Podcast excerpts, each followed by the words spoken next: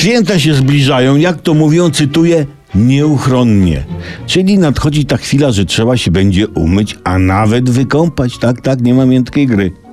Czytamy w internecie, cytuję, często decydujemy się na szybki prysznic lub długą, relaksującą kąpiel. Bardzo głębokie zdanie, bardzo głębokie. Czy robimy to prawidłowo? Nie.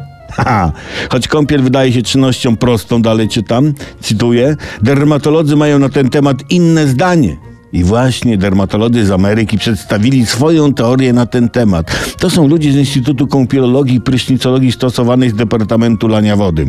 I tak, słuchajcie uważnie, kąpiele mogą prowadzić do wysuszenia skóry, bo im dłużej skóra jest mokra, tym bardziej się wysusza. Czyli najlepiej kąpać się w ubraniu, by nie narażać skóry na wysuszenie. Ekspertka dr Seymour Jabel zaleca aby przed wejściem do wanny przepukać ciało pod prysznicem. Inaczej jej zdaniem będziemy się moczyć. Znaczy w brudnej wodzie. W brudnej wodzie może. Czyli pamiętajmy, przed kąpielą świąteczną należy się umyć. No i wynika z tego, że kąpiel przeszkadza w higienie, bo człowiek wchodząc nieumyty do wanny, według Jankesów, brudzi wodę i w tej brudnej wodzie się brudzi zamiast się umyć. I wychodzi ubabrany wodą, którą sam pobrudził. O, czyli jeśli nie umyjemy się przed kąpielą, należy wyszorować się po kąpieli.